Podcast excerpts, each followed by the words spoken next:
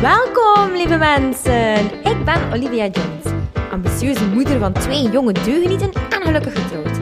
Tijdens deze podcast deel ik je dagdagelijkse perikelen van mezelf als ondernemende moeder. Benieuwd naar welke inzichten jou kunnen helpen je leven zo gemakkelijk mogelijk te maken? Je hoort het zo. Hey, hey iedereen. Uh, dit is mijn vierde podcast, denk ik, ondertussen. Ja, ik doe het gewoon op mijn gemak. Hè. Het is niet dat ik hier uh, in een uh, korte tijd heel veel podcasts wil opnemen. Het is gewoon heel leuk om gaandeweg een keer te doen. Dus, maar ik wil jullie vandaag een keer vertellen over een coaching sessie die ik ondertussen gehad heb. Um, met een dame die gehuwd was en die had drie kinderen. En zij is ondertussen gescheiden. Zij vond eigenlijk haarzelf niet meer terug in haar huidige relatie. En zij heeft ondertussen een nieuwe relatie. En uh, toch komt ze bij mij terecht en zegt ze... Kijk Olivia, ik, ik, ik voel het niet. ik heb alles om gelukkig te moeten zijn.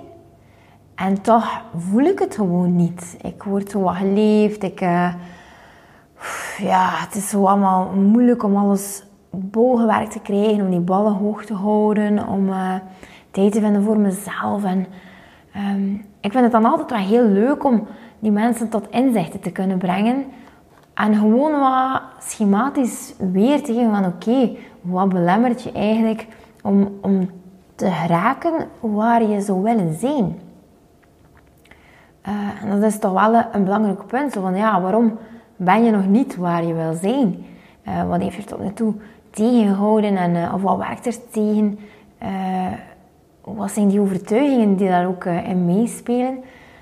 Het is zo fijn om dan uiteindelijk te horen van oké, um, ja, dit is de volgende stap die ik moet zetten om daar eigenlijk te geraken. En ja, ik denk, ja, ik voelde ook wel dat het goed gegaan was. En ja, ik ben toch wel fier op mezelf, omdat ik me toch steeds verder ontwikkel ook. En ik um, ben ik al waar ik wil zijn.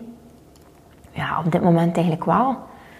Uh, en dat heeft ook wel gewoon veel, uh, ja, veel, hoe zeg je dat? Uh, ja, over, ja, nee, gewoon dedication gevraagd van mij. Van oké, maar ik vind het dan ook gewoon leuk dat ik zo gepassioneerd ben. Hè. Ach, mannetjes toch, dat vuur, dat brengt mij gewoon overal waar ik moet zijn. En um, ik heb nogal een beetje de mindset zo van, oké, uh, aan de kant, alles wat niet in functie, uh, ja, wat gewoon niet te goede komt van dat nieuwe project. En uh, dat weet ik nu ondertussen ook wel, hoe dat ik dat moet temperen en hoe ik dat zo'n beetje in toom kan houden om toch ja, de bal dan hoog te houden. Want uiteindelijk moet er wel je nog altijd in het huishouden heel veel gedaan worden. Zit ik nog uiteraard uh, met de job die ik heel graag doe als vroedvrouw. Uh, waar dat er ongelooflijk veel werk in kruipt. Uh, maar ja, dat doe ik dan ook echt met hart en ziel. maar dan dat nieuwe, dat, oh, dat, die lezingen en eigenlijk als spreker, spreker voor publiek staan en, en jullie eigenlijk meenemen in het verhaal uh, die jullie sowieso ja, ongelooflijk veel goed zal brengen. En daar ben ik eigenlijk van overtuigd. Ja, kortom, eigenlijk mijn hoger doel is om mama's gelukkig te zien. En daarbij is er een grote plus, eigenlijk de grootste plus uh, dat je kan hebben aan het verhaal, dat kinderen eigenlijk ook gewoon echt zelf kunnen zijn en vol zelfvertrouwen door het leven gaan. En daarvoor moeten we gewoon echt wel base houden aan onszelf. Hè. Niemand doet dat perfect, uiteraard. Dat is ook totaal de bedoeling niet. Maar ik vind het zo belangrijk dat kinderen zien wat hun ouders doen. Want ja, zij zijn uiteindelijk ook een spiegel hè, uh, van onszelf. Zij doen maar wat. Hè. Ze doen ons na. En uh, dat zie je ook wel. Als je daar zo bewust op let. Uh, de manier waarop jij tegen hem praat, de manier waarop dat jij tegen je partner praat, dat is toch altijd een reflectie. En ja, dat je zo ziet dat broer en zus bijvoorbeeld tegen elkaar praten, of hoe zij tegen hun vriendjes praten, of zelfs ook gewoon tegen jou zelf. Uh, en het is zo belangrijk dat dat zo een evenwicht komt. Dat er daar balans is. Dat die kinderen ook echt wel weten van oké, bij mama kan ik ook echt wel gewoon mezelf zijn. En bij mama kan ik gewoon mijn emoties uit. Het gaat hier echt om niet zien van kinderen als last, maar gewoon kinderen die zich aan het ontwikkelen zijn. En daarbij komt gewoon heel veel ja, huilen bij kijken, of woede, of onbegrip. Of... Tuurlijk, die kinderen zijn aan het ontwikkelen. Ik zie soms mijn zoon van drie jaar en half nu ondertussen. En dan denk ik, eigenlijk ben je al zo groot. Maar eigenlijk, hè, zijn ze zo klein nog. Wat dat zij begrijpen van de wereld, wat dat zij begrijpen van hun emoties of een ander zijn emoties, dat is eigenlijk niet heel. Hè. Dus wauw, wat hebben zij ondersteuning nodig in dat proces. En uh, wat hebben zij nood aan dat emoties ook gewoon mogen getoond worden en, uh, ook verstaan worden. Want oké, emoties mogen er zijn. Je kan wel zeggen van ja, allez, zijn nu maar een beetje boos. Maar dat gaat uiteindelijk niet helpen. Hè. Als je echt gewoon uh, erkenning nodig hebt. Uh, en dat heeft iedereen nodig trouwens. Want toen ik eigenlijk aan toen ik eigenlijk mijn kindje kreeg, lief, mijn dochtertje. Toen had ik eigenlijk al een hondje in huis. En toen zei ik nog tegen Jules, amai, eigenlijk dat opvoeden van kinderen, dat is precies hetzelfde of bij een hond. Hè. Ja, want ze moeten ook leren gehoorzamen. Ze moeten ook uh, leren dat dingen gedaan moeten worden. Uh, en dingen, ja, grenzen die moeten aangegeven worden. Maar eigenlijk kon ik het niet meer verkeerd hebben op dat punt. Eigenlijk is dat totaal niet zo. En eigenlijk, ja, ik denk voor honden dat dat eigenlijk ook niet zo goed is. Die manier van opvoeden. nu ja, we kunnen ook heel ver daarin gaan. Maar aan de andere kant moet het toch wel een keer bewust uh, erbij stilstaan van hoe wij praten tegen onze kinderen, wat er precies gezegd wordt en moest dat tegen jou gezegd worden, hoe zou je je daarbij voelen? En het frappante is dat alles wat wij zeggen aan onze kinderen, wij hebben dat ook op een dag een keer gehoord in het verleden. Anders zouden wij dat niet zo gaan zeggen. Het is ook gewoon ons aangeleerd geweest om zo te praten tegen kinderen.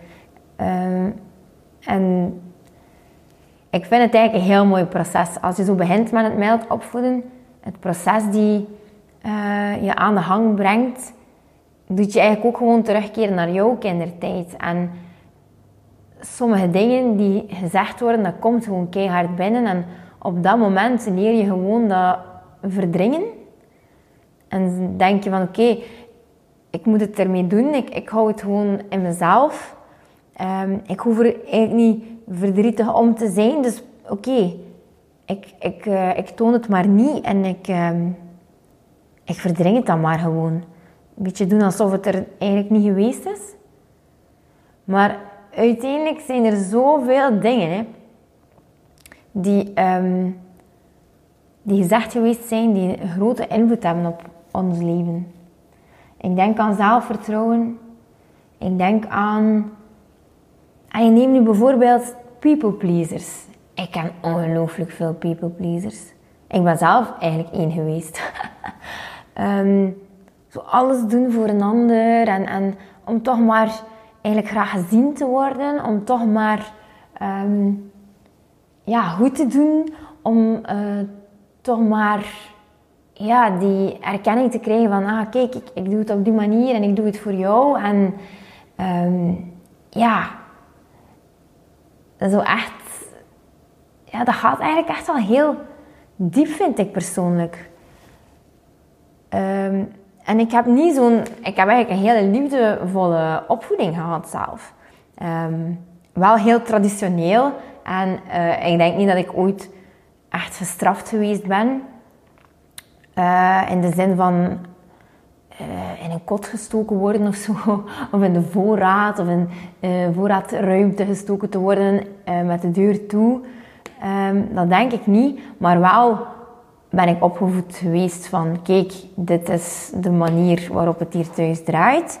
En zo moet het gewoon lopen. En alles wat daar buiten valt, dat kan gewoon niet. Um, ja, dat is niet volgens de norm, dat is niet volgens de verwachtingen. En ik denk persoonlijk wel dat ik een heel braaf kind was vroeger.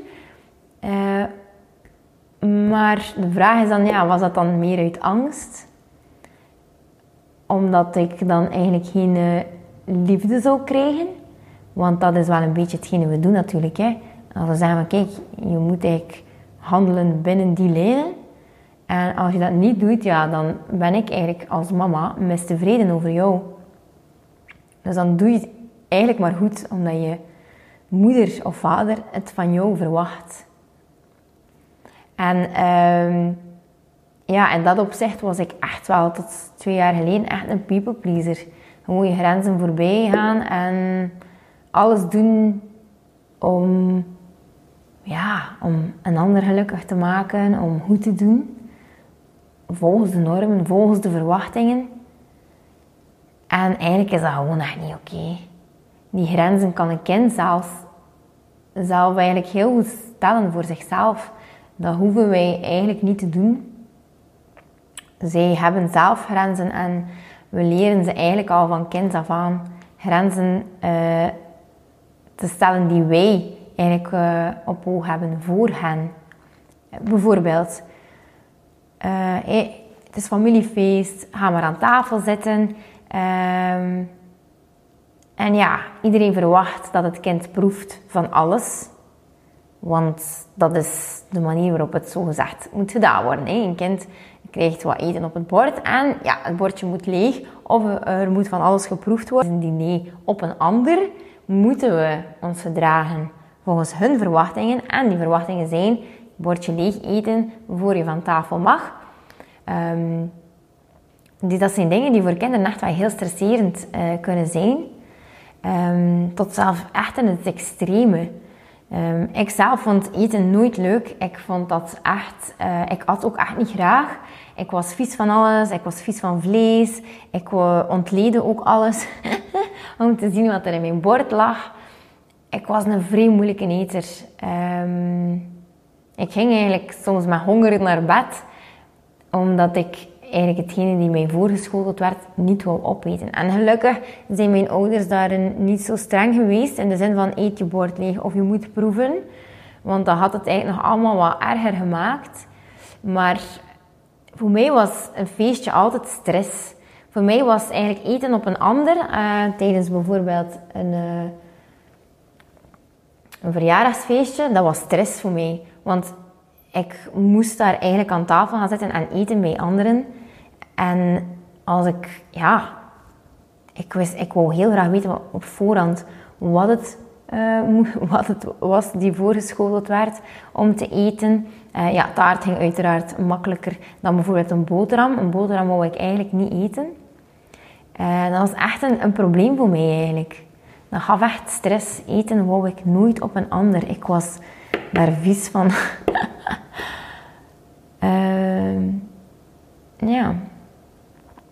Maar dan bijvoorbeeld ook gewoon zoenen of, of goeiedag zeggen uh, aan de mensen die je groet. Uh, ik vind dat ook heel belangrijk dat als kinderen zich niet goed voelen om een zoen te geven aan iemand, dat dat ook niet hoeft. Want is dat niet dan de eerste stap op het verleggen van een grenzen? Uh, en dan denk ik vooral naar latere leeftijd toe. Zo, oké, um, eigenlijk heb je geen zin om een zoen te geven of voelt dat niet fijn voor jou, maar doe het toch maar. En dan denk ik later aan mijn dochter, als, ik, um, als hij een vriendje gaat hebben bijvoorbeeld, en die jongen zegt, ja, ik wil wel zoenen, en zij wil dat eigenlijk niet, ja, dan heb ik haar eigenlijk al al die jaren geleerd van, ja, maar als het iemand vraagt om jou te zoenen, dan doe je het beter maar, want dat is beleefd. En daar ga je beter gewoon niet um, ja, tegenaan. Uh, daar ga je beter gewoon niet tegenin. Dus doe het gewoon maar. Versta je, zo verleggen we eigenlijk onze grenzen. En um, ja, ik, ik, stoor mij daar wel aan. Ik wil echt wel hebben dat mijn kinderen zeer mooie grenzen kunnen aangeven. En alles wat niet prettig voelt voor hen, uh, in dat opzicht, dat ze dat ook niet doen. En voor mij, ik ben eigenlijk beginnen uh, eten, want ik eet nu eigenlijk alles. Maar ik ben beginnen uh, experimenteren met voeding echt op latere leeftijd. Toen, er, toen de druk er ook eigenlijk al lang af was, toen ik, ik, ik kon kiezen wat ik wou eten. En uh, ja, dat heeft uh, toch wel veel gedaan. Gewoon de vrijheid voor mij van kijk, je hoeft het niet te eten, maar het is er als je wilt. Uh, toen, ben ik, ja, toen ben ik echt begonnen met heel veel experimenteren. En ja, mijn man was er toen echt ook van verbaasd hoe klein mijn wereldje eigenlijk wel was qua voeding. en hij heeft mij eigenlijk ongelooflijk veel verschillende keukens laten proeven. Dus dat is wel heel fijn. Oké, maar wat ik eigenlijk wou zeggen, ik ben serieus afgeweken van wat ik wou zeggen, maar ja, misschien zit hier gewoon ook wel een leuke boodschap achter. Het uh, leuke aan die coaching trajecten is dat we ja, mensen eigenlijk terug kunnen brengen naar de essentie en uh, mensen uit hun hoofd kunnen halen. Want het antwoord ligt eigenlijk altijd in jezelf, altijd. Mag je de beste psycholoog hebben, mag je de beste coach hebben die... Uh, ja, life en um, imago coach en zelfbeeldcoach. En ja, je moet eigenlijk gewoon iemand hebben die de juiste vragen stelt en die jou terug kan brengen naar jouw eigen zelf, naar wat er eigenlijk in je hart ligt. En um, we halen in feite je gewoon uit je hoofd. En je gaat eigenlijk gaan antwoorden vanuit je gevoel. En dat is gewoon heel fijn dat we dan zo tot ja, echt hele mooie conclusies komen. En uh, we zetten dikwijls grote stappen, maar ook heel kleine stapjes om je gewoon veel dichter te brengen bij jezelf. En uh, dan gaan we even ook uh, gaan kijken naar je mindset. Zoals zijn je overtuigingen nu? wat houd je zo in die, ja, in die plaats gewoon in je leven? Wat houd je daar? En wat heb je nodig om eigenlijk verder te geraken? En ja, het werkt zeer verruimend. Het werkt zeer verruimend. Het is gewoon ja, heel leuk om te doen. Dus de tip van vandaag is om vooral uh, gewoon te gaan kijken van hoe voel ik mij nu eigenlijk echt en waar zit zo dat negatief gevoel op? Waar voel ik zo weerstand? En stel dan een keer een paar vragen over. En kunnen we gaan zeggen, ja, maar dan ga ik weer in mijn hoofd zitten. Maar het is super belangrijk dat je voor je die antwoorden gaat vinden in jezelf, voordat je aan de slag gaat met um, al die vragen, dat je gewoon eventjes stil wordt. En stil worden, daarmee bedoel ik niet um, je verstand op nul zetten en kijken naar een Netflix-serie. Nee, we willen eigenlijk je brein, je hersenactiviteit, die megahertz doen dalen. En daar is meditatie eigenlijk wel een hele mooie tool voor. Uh, dus het is ook niet de bedoeling dat je gaat nadenken terwijl dat je mediteert. Nee, het gaat er hier eigenlijk om om volledig tot rust te komen. Om uh, eigenlijk te luisteren naar de muziek of uh, als je het niet zo gewoon bent nog die dat, dat, mediteren, kan je bijvoorbeeld een geleide meditatie doen. Dat doe ik ook altijd. Het is gewoon veel makkelijker om je focus daarop te leggen. Uh, en dwaal je veel minder af. Um, maar als je een gedachte hebt, dan laat je die gewoon wegleiden uit je hoofd. En keer je terug naar de stem die je zegt wat je moet doen op het bandje. Uh, er zijn er heel veel op YouTube bijvoorbeeld dat je kan vinden. En als je dat gedaan hebt, zo'n 10, 15 minuutjes, 20 minuten mag ook, dan kan je echt wel uh, tot verbazingwekkende resultaten komen. Als je dan een keer gaat kijken van oké, wat zijn de vragen die nu vooral bij mij spelen? Wat is de volgende stap? En gaan kijken van oké, uh, welke antwoorden komen hierop? En dat is ongelooflijk, zeker als je het opschrijft, wat dat er allemaal binnenkomt. Dus um, dat zou een hele mooie stap kunnen zijn voor degenen die niet 100% gelukkig zijn met hoe de situatie nu is. En ja, die gewoon voor mensen die gewoon verder willen. Dus ik zou zeggen, aan de slag ermee.